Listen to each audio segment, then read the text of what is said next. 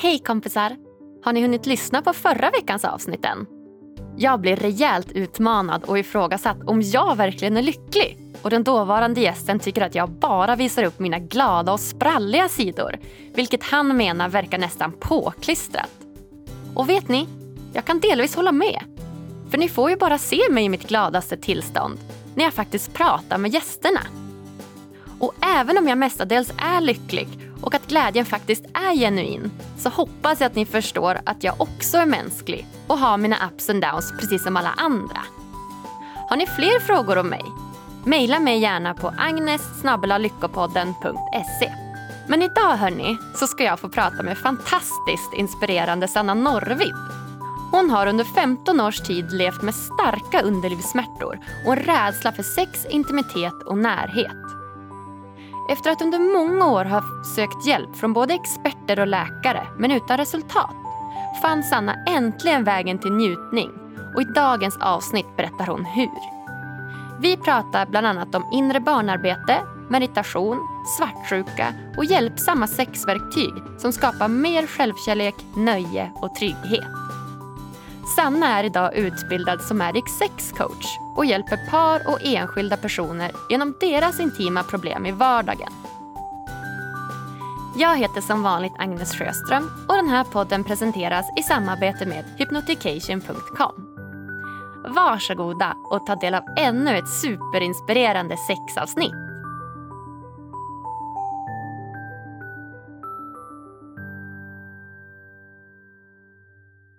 Då säger jag varmt välkommen till veckans gäst, Sanna Norvid.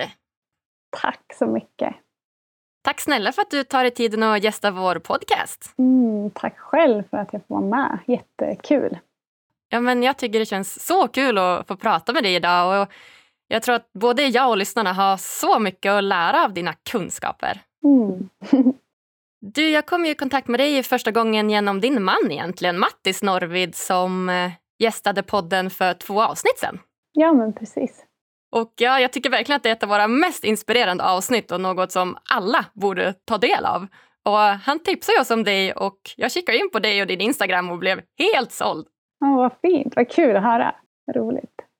Kan du inte berätta lite mer? Vem är du Sanna och vad är det du gör idag egentligen? Jag arbetar som sex och relationscoach. Så jag träffar både individer och par som upplever utmaningar och svårigheter med intimitet och sex och relationer och kärlek. Så eh, jag jobbar eh, mest eh, online, one-on-one sessioner.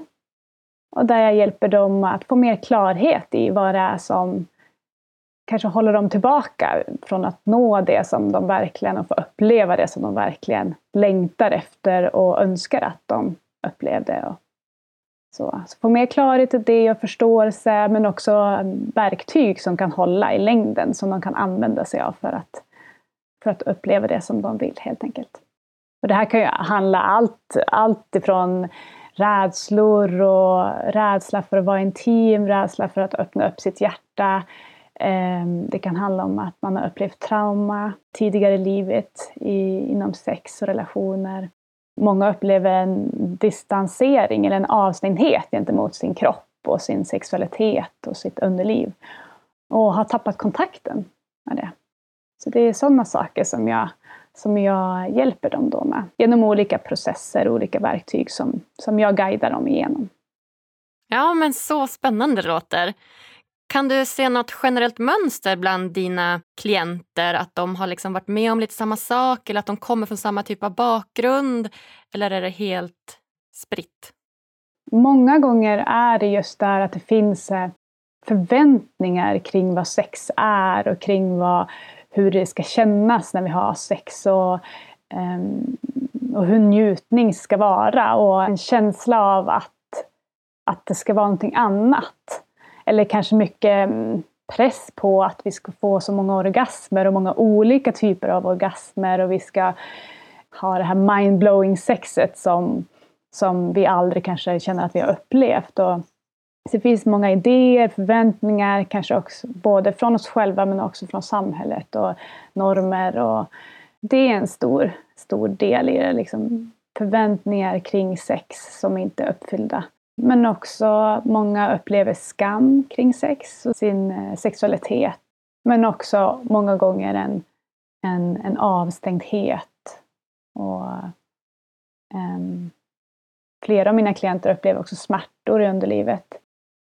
Och där finns det också många, kan finnas mycket liksom ilska och en, nästan en ovänskap med sin kropp kan man säga. Och sin, sitt underliv. Ja, just det. Om vi, om vi går in lite grann på det här med förväntningar, för det är ju verkligen något som, som jag tycker är eh, jätte, liksom, både spännande och intressant men också så svårt att hantera. Mm. För förväntningar känns som någonting, som du säger, det kan ju dels komma från en själv och från samhället och från normer. Och ofta så kan det ju vara förväntningar som leder till att man blir osams eller liknande. Hur gör man för att hantera förväntningar på ett bra sätt? Jag tänker framförallt att kommunikation, om, om, om vi säger att du är med din partner, att vi kommunicerar. Jag, jag känner att jag, är, ehm, jag har en idé om att jag vill uppleva det här eller jag känner en press på att jag behöver nå en orgasm eller jag behöver få det och få det skönt på det här viset. Det här kan ju vara väldigt sårbart och läskigt att kommunicera. Framförallt om det är någon person vi inte känner så väl. Så ehm, ja, det är klurigt med förväntningar. Det gäller att, att liksom skapa förståelse kring, kring sig själv och sina egna idéer. Vad har jag för ett invanda tankemönster kring sex? Vad har, vad har jag för, byggt upp för sexuell story kring mig själv? Vad är sex för mig? Vad, in, vad, vad lägger jag in för någonting i, i det? Innebörden i sex? Är det att eh, få orgasm så är det viktigt eller är det att vara närvarande med min partner och med mig själv? Eller vad är sex för mig? Ja, men spännande. För det känns som att sex är ju verkligen något som är så individuellt. Att oftast är det lite tabu, så man pratar kanske inte med vem som helst om det och oftast innan man har sex med en ny partner så är det inte som att man har värsta konversationen innan oftast. Att så här, men hur ska vi göra? Hur gillar du? Vad gillar du? Utan ofta så kommer det ju ganska så spontant för individer. Så att jag kan tänka mig att det är svårt att, att kommunicera. Ja, och det är en, en sak som jag många gånger förespråkar är ju att träna på sex med sig själv. Att det är så himla viktigt att träna med sig själv. För det är så många andra områden i livet där vi förväntar oss, liksom, eller vi vet att vi behöver träna och lägga ner massa tid och energi för att vi ska bli bra på en sak. Men sex är ofta inte en, en, en sådan sak där vi tänker att vi ska, behöver träna på det. Utan många av oss förväntas bara vara bra på det på en gång utan att liksom har övat på oss själva så mycket. Och för mig har det gett så mycket att ha min egen regelbundna self-pleasure practice. Där jag lär känna mig själv och vet vad det är jag tycker om och vad jag vill ha och vad som fungerar för mig. Och då har jag också lättare att kommunicera med min partner vad jag förväntar mig eller vad jag, eller vad jag önskar och vad jag behöver. Så det blir också lättare då när vi vet vad vi själva tycker om helt enkelt. Ja men verkligen, så att börja ha sex med sig själv för att veta vad man tycker om och sen kan man då kommunicera det med sin partner. Ja, helt klart. Ja men spännande. Eh, jag vet också Sanna att du själv haft lite problem med underlivssmärtor och rädsla för sex och intimitet i din ungdom. Mm. Jag började ha sex rätt tidigt. Och jag tror att när jag liksom har tänkt på det här efterhand såklart, det var ingenting jag var medveten om då, men någonting som jag kunnat se efter är att jag tror att jag var ganska förvirrad vad sex, det här med sex och kärlek, att jag blandade ihop lite det och att jag nog egentligen ville mest bli sedd och bekräftad och känna mig omtyckt men att det togs uttryck av att jag började ha sex. Det var också lite grupptryck och många av mina vänner hade börjat ha det och sådär. Så jag hade sex eh, ett flertal gånger med, med personer som jag inte kände så mycket för och ofta var de ganska mycket äldre. Och ja, det blev liksom upprepade tillfällen där jag befann mig i situationer där jag egentligen inte lyssnade in vad min kropp ville eller behövde. Utan, och det var heller ingen som frågade mig hur det var för mig. Eller liksom sådär. Eh, utan det var väl liksom två personer som möttes där båda två var väldigt förvirrade kanske, eller lite vilsna i det här med sex och inte har, vet bättre och inte har lärt sig mer. För vi får inte lära oss så mycket om det här, varken i skolan eller hemma många gånger. Så um, efter de här upprepade gångerna så, så hade jag nog en ganska klar bild av att ja, men det är så här sex är. Det gör ganska ont. Det är inte särskilt roligt eller skönt. Eh, men det verkar ju vara det här vi ska göra när vi, när vi liksom känner oss förälskade och pirr, pirriga i magen och så. så att, eh, och sen där eh, så träffade jag faktiskt min man som jag, har, som jag är gift med nu. Vi träffades redan på högstadiet och blev eh, tillsammans på gymnasiet. Så vi har en väldigt lång bakgrund tillsammans. Och eh, ganska snart så började det komma smärtor i mitt underliv när vi hade sex. Hur kändes det då? En smärta i underlivet? Är det liksom något stickande eller bultande? Eller hur skulle du beskriva det? Jag skulle nog beskriva det som nästan knivskarp smärta. Alltså det, det är liksom både brännande som, så här, som eld men också ja, men nästan som att det är knivar som skär. Alltså det låter ju väldigt, väldigt brutalt men det, är, det kan vara väldigt, väldigt ont. Men brännande eh, kommer jag ihåg en väldigt liksom, sådär stark sensation, att det brände. Men var det då för att man inte var tillräckligt våt eller var det mer en mental grej eller fysisk smärta eller hur skulle du beskriva det? Ja, alltså jag tror, det är ju det här som är så komplext. Vad är det beror på? Vad kommer det ifrån? Och jag tror att det är, liksom, det är många komponenter i det här. Men absolut att det har att göra med eh, rädsla och kanske att jag känner, är spänd ja, jag hade ju någonstans också, tror jag, vant mig vid att det gör ont när jag har sex. Det är ingenting som, där jag kanske känner mig helt trygg i när jag har, eh, inte riktigt connectad med, med den jag har det. Eh, och kroppen kommer ihåg lite sånt där. Så mm, ja, det var då både liksom psykiskt och även fysiskt. Så, att jag kanske inte heller, precis som du säger, inte är redo. Sen behöver det inte betyda att man inte är redo för att man inte är våt, som kanske många tror att, eller som många går på att är man våt, då är man redo. Sådär, men um, ja. Så det var på en, liksom, en kombination av många saker. Ja, just det, jag förstår. Och sen träffade du då eh, Mattis tidigt i livet. Vad hände sen? Nej, men det här var nog första gången jag kände liksom att jag kunde vara trygg med en med en man. Och att jag kände jag kände verkligen kärlek. Både att jag älskade honom och jag kände mig älskad av honom och sedd. Och det kanske var just därför som, som kroppen började tala lite tydligare. Och jag började höra och känna vad det var som hände i mig. Så jag tror att det kan vara det som gjorde att det var då smärtorna började eh, komma mer. Just det. Har du smärtor än idag eller hur har ditt sexliv utvecklats med tiden? Min resa med mina smärtor har ju varit så otroligt stor och stark för mig och det har utvecklats från att bara handla om det fysiska till att handla om så mycket mer och jag har ju under många, många, många år så haft ett sånt tunnelseende på att bli fixad. Jag ska liksom lagas för det är någonting som är fel. Eh, så att från, från det, i den här resan så är det som att jag har fått med mig så mycket på vägen att öppna upp. Att det handlar inte bara om att inte känna den där smärtan eller den brännande sensationen utan handlar om att vara med mig själv och hålla olika delar av mig som är rädd och kunna, kunna vara ärlig med det och sårbar och vad behöver jag för att vara trygg? Och det är så mycket som öppnas upp. Så jag kan absolut säga att jag inte alls känner de smärtorna som jag upplevde förut. Sen så kan mitt underliv säga till ibland när, när hon inte är redo. Liksom.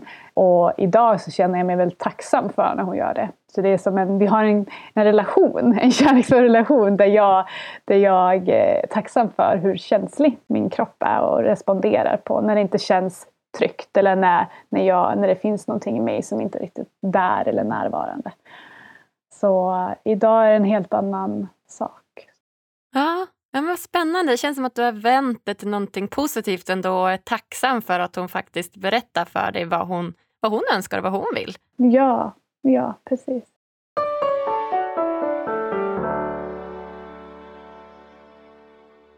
Vill du stärka din självkänsla, sova gott och må bättre? Då borde du testa vägledd självhypnos. Det enda du behöver göra är att lyssna, slappna av och följa instruktionerna. Gå in på hypnotication.com och hitta dina favoriter idag. Ange koden LYCKA för 15% rabatt på hela köpet.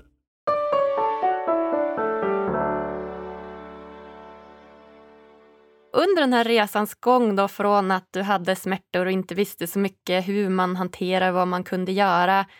Vad stötte du på för olika verktyg som hjälpte dig förstå vad du kunde göra för att hjälpa henne eller er relation tillsammans? Någonting som jag haft med mig och fortfarande med mig hela tiden är ju meditation.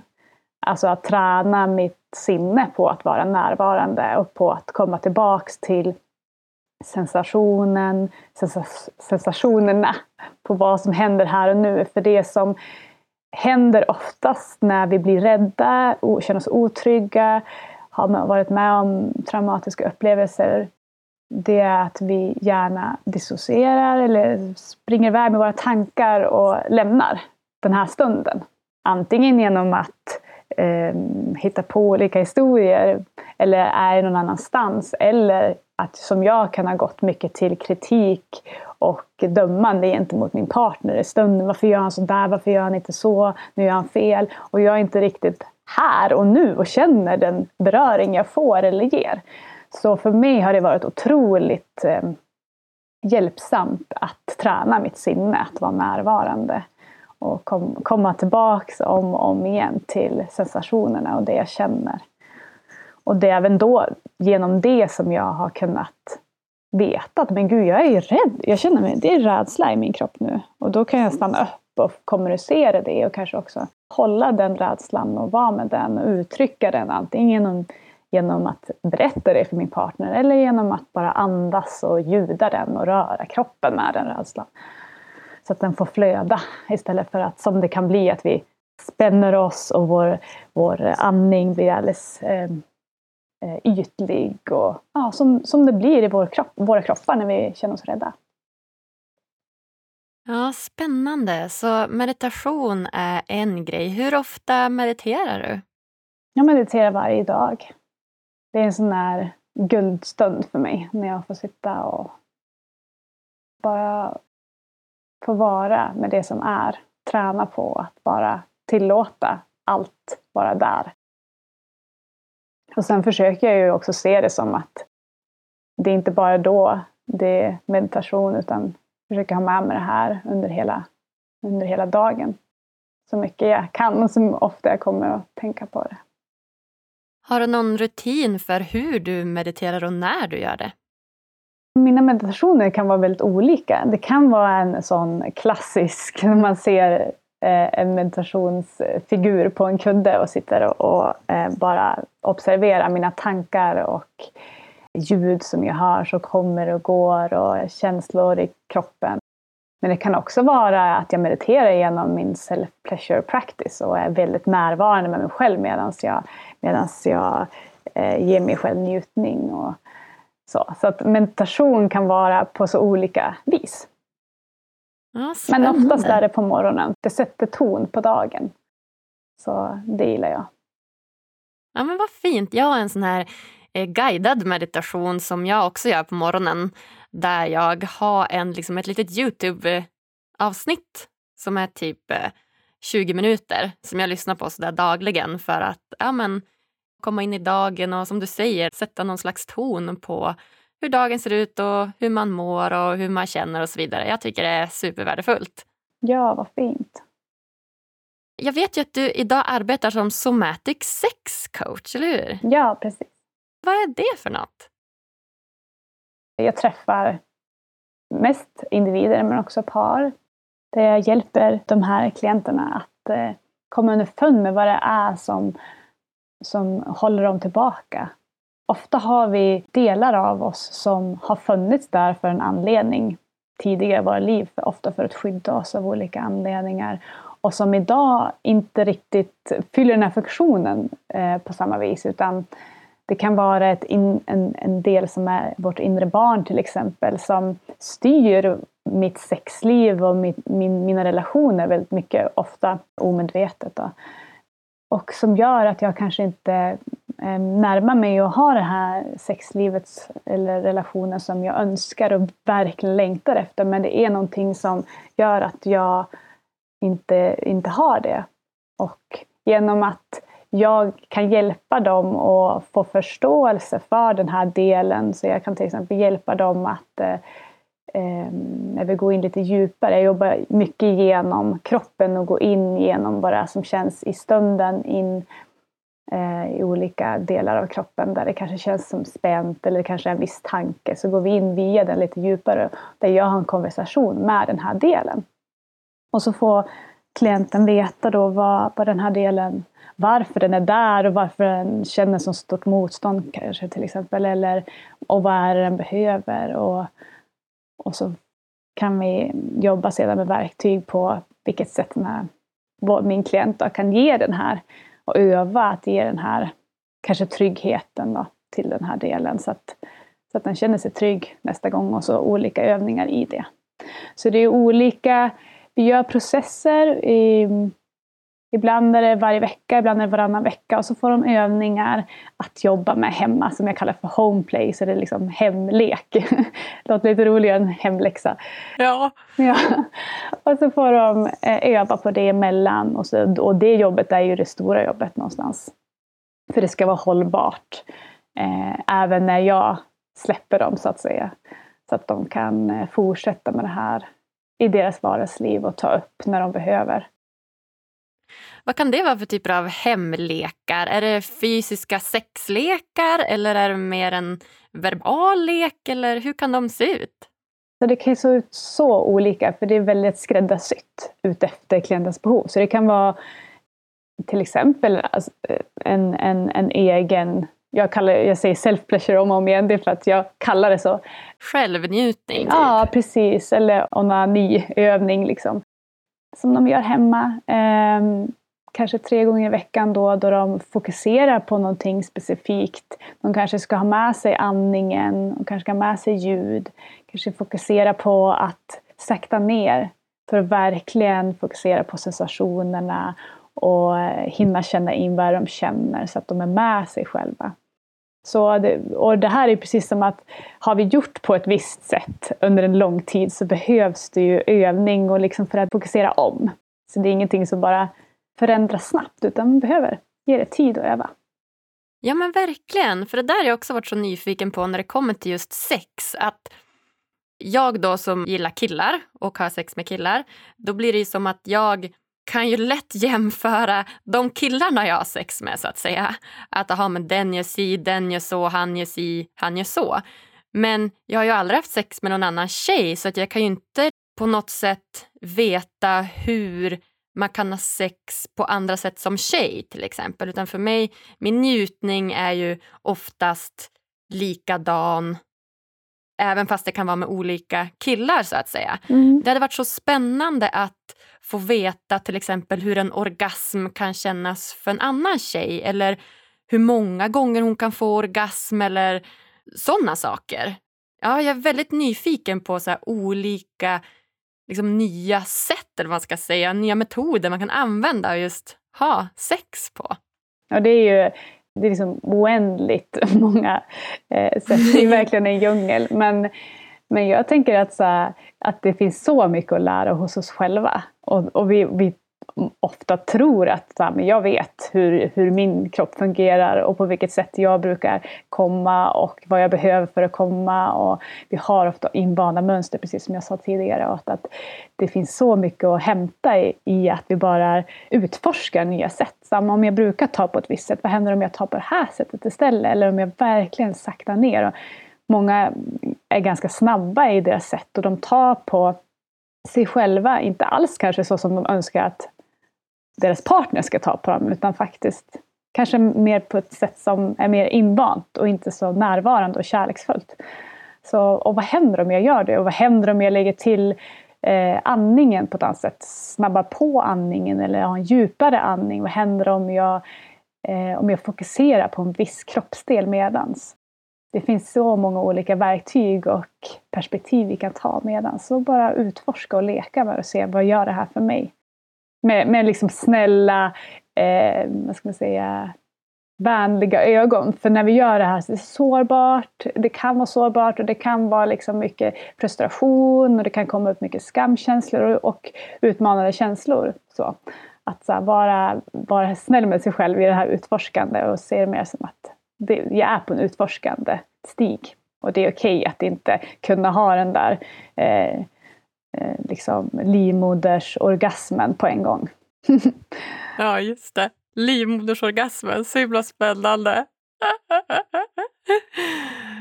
Hur har det här inre arbetet som du har hållit på med påverkat dina relationer idag? Har det gjort dig lyckligare? Mm, absolut, absolut. Det har gjort mig otroligt mycket mer snäll med mig själv och mycket mer ja, men kärleksfull med mig själv. Jag älskar min kropp, jag älskar min den kraften och den kreativiteten eh, som kommer i mig av att vara i kontakt med min sexualitet och med min sexuella kraft. Och den, den märker jag sprudlar på ett så helt annat sätt. Både med en relation till mig själv men också med min omgivning, mina vänner och i mitt yrke. Och, ja, så det är absolut, jag känner mig mer levande ska jag säga. Det är väl framförallt att jag sak, känslor och olika delar av mig som jag har stängt av innan. Eh, som jag liksom tryckt under mattan för att det är läskigt och, och väldigt obekvämt att känna och titta på. Eh, gör som att jag stänger bort vissa delar av mig och jag känner mig inte hel riktigt eller helt här och levande. Så det som ja, känner mig vibrerande i livet. Ja, ja, vad härligt. Det låter verkligen som att du har kommit till en plats där du är mer nöjd och, och glad än tidigare. Mm. Och sen är det också så här, det kommer ju fortfarande många utmanande känslor men jag har en helt annan approach till dem. Jag tänker att, att ingen, det är ingenting som ska bort. Det är ingenting som, som jag ska försöka få bort eller, eller fixas på det viset. Som till exempel om jag känner mig ja, men inför det här samtalet med dig och vara med i en podd kanske jag kan känna mig lite nervös. Men det är ingenting som, som ska bort utan jag är mer okej, okay, medveten om den, den, den delen och det är okej okay, och kanske också medveten om den delen av mig som kanske är lite orolig. Kommer jag vara okej okay om jag inte liksom lyckas förmedla det här bra eller på ett visst sätt? Att, ja, men mer, mer kärleksfull med mig själv. Och då, då har jag också förmåga att vara det till min omgivning såklart. Ja, men så himla fint. Om vi tar det här med intimitet till exempel. Hur intim tycker du att man ska vara med sin partner rent eh, eh, verbalt eller vad man ska säga? Tycker du att man ska dela liksom alla sina tankar och känslor och rädslor med sin partner eller tycker du att det är något som man kanske ska jobba med själv först? Hur ser du på det? Jag tänker att eh, jag brukar ha, för min egen del, som någon slags måttstock separerar det här mig från min partner. Känner jag mig separerad? Är det här någonting som går och skaver i mig som gör att jag inte som gör att jag tar distans eller som gör att jag inte kan känna mig trygg eller inte kan känna mig flödande fullt ut. Ja, men då behöver jag nog ta det här när, en stund när han också kan vara där och kunna liksom, ta emot mig. Men sen, jag vet ju till exempel när det handlar om intimitet just i sängen så eh, har har, ju, har ju vi hamnat många gånger i liksom när vi bara pratar, vi pratar för mycket. Vi hamnar liksom att man fastnar i ett prat kring någonting istället för att så spännande det kan bli av att bara ljuda till exempel istället. Jag behöver inte prata, behöver inte vara ord. Så här, ja, men jag känner mig frustrerad. Vad härligt! bara liksom få ut det på något sätt genom kropp, genom, genom ljud. Ibland har vi liksom kommunicerat via dans bara med varandra. bara för att det är inte alltid via orden som vi lättast kan uttrycka det vi känner. Ibland så fastnar det, i alla fall för mig. Jag är inte så egentligen verbal när jag behöver få uttrycka vad jag känner. Ehm, ja, så jag, det, kan, det är ett tips från mig att liksom verkligen bjuda in andra sätt att uttrycka. För då är det inte lika lätt att vi också hamnar och fastnar upp i huvudet som vi gärna gör när vi blir lite nervösa och spända och framförallt kanske när det är en sexuell, intim och sårbar situation. Att då blir det väldigt mycket upp i huvudet och så tänker jag så här och så kanske han ska göra så och så här, tänk om han tänker så här. Och istället för bara, ah, okej okay, vad känner jag? Vad är det för sensation i kroppen? Ja men det är liksom bubblar och det sprätter och det eller tryck över bröstet. Kan jag liksom röra med det? Kan jag ah, andas med det? Ljuda det? Och det här är lite kanske avancerat och det låter lite flummigt men det gäller bara att utforska och ja, leka med det lite grann. Se vad som funkar för dig. Ja, så att om, om du upplever att det är någonting som håller dig och din partner lite från varandra, då tycker du att man ska ta upp det på något sätt, antingen verbalt eller via ljud eller dans eller något. Men om det är något som inte håller dig och din partner ifrån varandra, tycker du att det är ett, ett arbete man ska jobba med själv då? Hur ser du på det?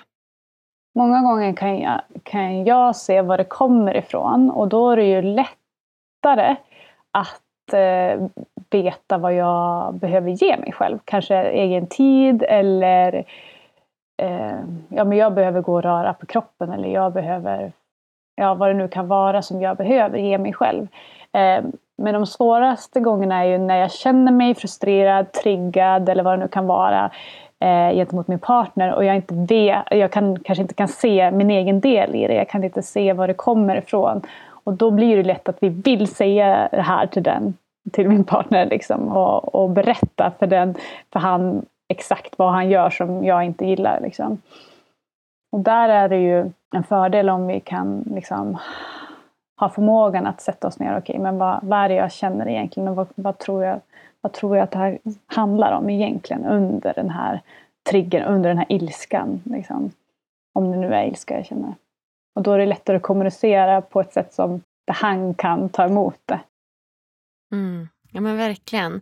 För man tar en vanlig känsla som jag vet eh, kan vara svårhanterlig i olika förhållanden så är det till exempel svartsjuka. Mm. Att eh, man upplever svartsjuka gentemot sin partner till exempel. Och den tycker jag oftast ses ta sig uttryck av någon typ av aggression mot sin partner. Men som jag förstår det så handlar den här svartsjukan ganska mycket om sig själv. Mm. Vad har du för åsikter om svartsjuka? Alltså jag tror att svartsjuka många gånger, precis som du säger, handlar om sig själv och det kommer många gånger ifrån något sår vi har i oss själva. Det kan handla om, ja, men som jag nämnde förut, vårt inre barn som jag brukar kalla den delen för. Att det kanske handlar om en känsla av att jag inte vet om jag är älskad ifall att min partner vill vara med en annan person eller vill bara träffa en annan person oavsett om det är vänskapligt eller sexuellt. Och att, att jag får det att handla om mig, hur värd jag är att älskas eller inte.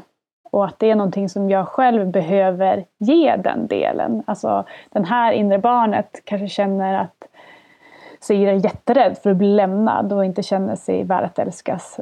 Det är bara jag som kan ge den delen, det, den kärleken och inte min partner. Det, även om det känns som att det är det, det är min partner som ska ge den så är det oftast en projektion på mamma eller pappa. Någon, någon, någonting som jag upplevt, eller mitt barn, mitt inre barn upplevt att den inte har blivit bemött i eller fått sina behov tillgodosedda av mina föräldrar.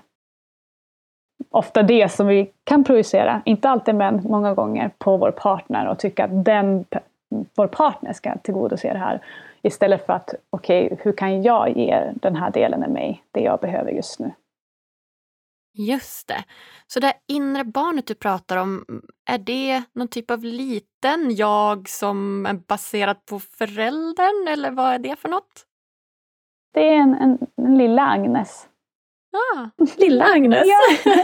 Och det kan ju vara liksom allt ifrån Agnes no, eh, sex månader till Agnes åtta år till Agnes 15 år. Så det är ju liksom olika delar av oss och vi har byggt upp olika mönster och också beteenden utifrån saker vi behövt, behövt eh, göra för att anpassa oss till vår omgivning så att vi blir så väl omhändertagna som möjligt och passar in och blir älskade och får, får känna att vi får vara med och um, få det vi behöver när vi är små. Okej, vad spännande. Och hur gör jag för att då få lilla Agnes att må bra? ja, alltså det är ju just det där att öva på att, att skapa en kontakt med lilla Agnes. Om du känner till exempel en rädsla i dig, i ditt bröst eller vad du nu känner det kanske när du märker att din partner, eller du, när du, om, om det handlar till exempel om en svartsjukekänsla, för att din partner ska iväg och träffa någon. Och du känner hur du börjar känna svartsjuk. Och så sätter du ner och känner, men vad är det jag känner egentligen? Ja, men jag känner en... Det, det, det är egentligen det är någon rädsla här. Ja, men vart känner jag den här rädslan? Men den känns, den känns i bröstet. Ja, det känns som ett tryck där. Okej, okay. då kanske du kan lägga en hand på ditt bröst där, där det känns som ett tryck. Och så kan, kan du vara mer i kontakt med den delen utifrån, utifrån det. Och därifrån så kan du bara se vad som kommer. Det kan vara ibland kan det vara bara det som behövs, att, att vara närvarande med, med den där rädslan, med det där trycket i bröstet. Och har man, har man gjort det här många gånger och varit i kontakt med de här delarna, det här inre barnet, så vet man kanske ofta vad det handlar om. Jo, men jag är, man kan ha en konversation med lilla Agnes. Agnes, vad är det nu det handlar om? Jo, men jag är, jag är, jag är rädd för att bli lämnad just nu. Det känns som att eh, han tycker inte om mig längre. Okej, okay, men du vet att jag finns här för dig och jag älskar dig. Jag kommer inte lämna dig oavsett om Kalle ska gå på den här träffen och träffa de här personerna. Så jag kommer inte lämna dig i vilket fall. Jag finns här. Vad behöver du nu? Ja, men jag behöver bli kramad och jag behöver få äta glass. Okej, okay, men jag äter glass med dig. Till exempel. Så det liksom handlar om en, en ja, att lära känna lilla Agnes. Vad behöver hon? Och vad blir hon glad av? Och, vad, och vem kan ge det här till dig? Eller till henne? Det kanske är, ibland kan det vara svårt att ge det från sig själv. Men då kan man, som jag brukar guida mina klienter, att komma i kontakt med en annan del. Det kan vara kanske en, en moders energi eller en... Vi har olika sätt att komma i kontakt med den delen av oss som vet hur vi, hur, hur vi älskar ovillkorligt. Och därifrån kan man liksom bygga en bro mellan de här två olika delarna så att man kan hålla den här delen som är rädd. Om man inte är van vid det så kan det vara lättare att göra det från en annan del, från sitt hjärta till exempel. Eller så. Ja, vad fint. Det känns verkligen som att man har så mycket att lära från dig med de här olika energierna och kärleken och lilla barnet och känslor och så vidare. Så skulle man kunna säga då att den lilla Sanna eller lilla Agnes är väldigt starkt kopplat till ens känsloreaktioner? Ja, absolut. Och det är ju oftast när vi kommer i reaktion. Det kommer en stark känsla och det är liksom tankar som bara sprutar. Att kunna liksom sakta ner och hejda sig där och, och, och mer bara vara med de här sensationerna för att lättare få förstå vad det handlar om egentligen och varför är det så läskigt just nu, vad behöver jag? Så absolut kopplat till våra känslor. Ja, vad fint. Hur eh, ofta och hur mycket pratar du med lilla Sanna? Det är lite olika, men ganska ofta ändå. Alltså när jag, när jag känner att hon är aktiv. När jag känner att hon behöver att jag finns där och att hon, att hon behöver känna att jag finns här för dig nu det är okej. Okay, liksom. Till exempel när jag ska göra någonting som jag känns läskigt. Eh, eller att jag märker att, att, att det börjar finnas en, en, en tankar i mig om att jag inte duger kanske. Eller jag kanske inte kommer bli omtyckt nu. Eller, ja, men då, vet, då, då vet jag att det är, det är lilla Sanna som är, som är framme. då, ja, då pratar jag med henne och håller henne. Och det här kan ju vara någonting som sker väldigt, alltså helt tyst i mig själv. Bara att jag håller om henne energetiskt så att säga. Men man kan ju också göra det högt ut om det känns lättare. Ja, fint. Vad brukar ni göra tillsammans då, förutom att äta glass? ja, dansa. Ja, dansa. Dansa och springa. Ja, om, det, om det funkar så brukar jag vilja springa med henne på så öppna ytor. Det är någonting hon verkligen gillar. men, eh, men dansa verkligen. Dansa med henne och så att hon får dansa som hon vill. Liksom, och uttrycka sig och röra sig. Det gillar hon. Och jag. ja, ja, men så himla fint. Ja, men dansa är verkligen något man borde göra mer av. Jag tycker att man blir väldigt så här, glad och avslappnad och prestigelös av att få dansa loss lite. Mm, verkligen. Ett otroligt härligt sätt att få, få använda kroppen i det vår vardag. Jag brukar ta så här små danspauser på fem minuter emellan om jag har klienter eller mellan jag ja, men jobbar på annat sätt eller så där. Så tar jag så fem, fem minuters danspaus bara för att släppa lös. ja, så himla härligt. Det ska jag också börja göra. Ta lite danspauser i vardagen. ja. Du Sanna, vi börjar komma in på de sista frågorna här nu tillsammans. Och det är tre stycken.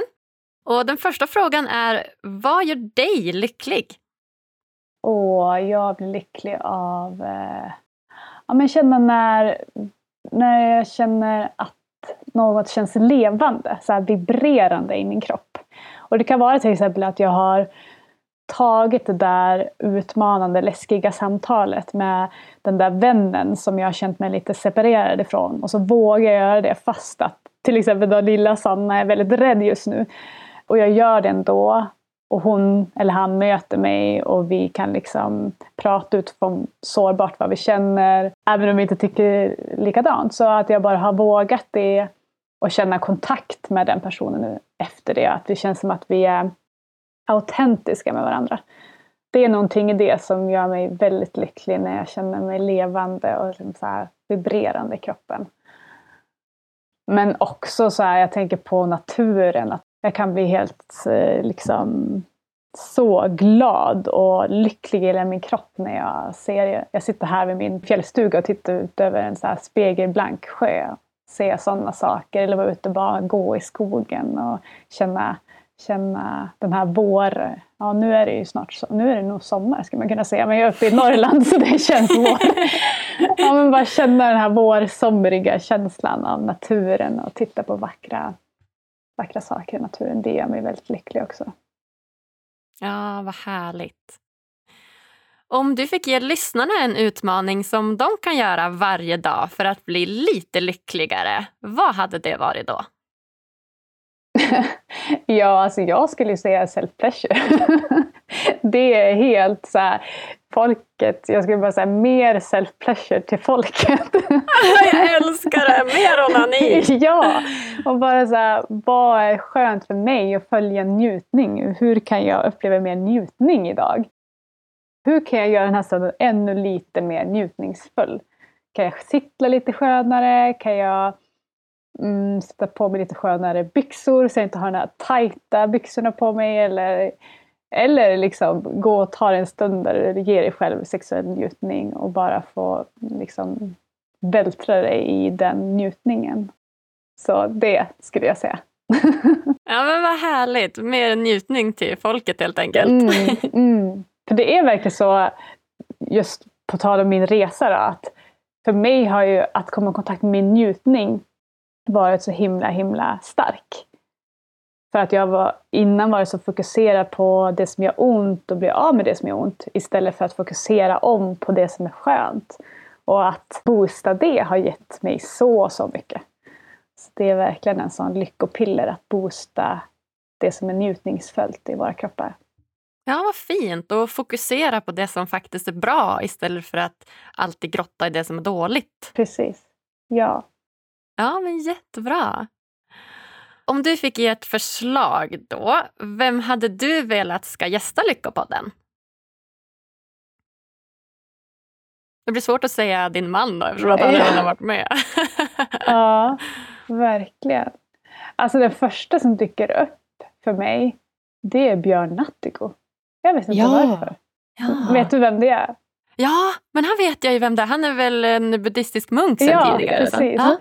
Ja, men jag har träffat han några gånger och tycker han är helt uh, fantastisk och jättehärlig att prata med. Så det var bara så här, pff, dök upp. Ja, men vad kul. Då ska jag kontakta honom. Det. är det något slutligen som du vill säga till lyssnarna innan vi avslutar?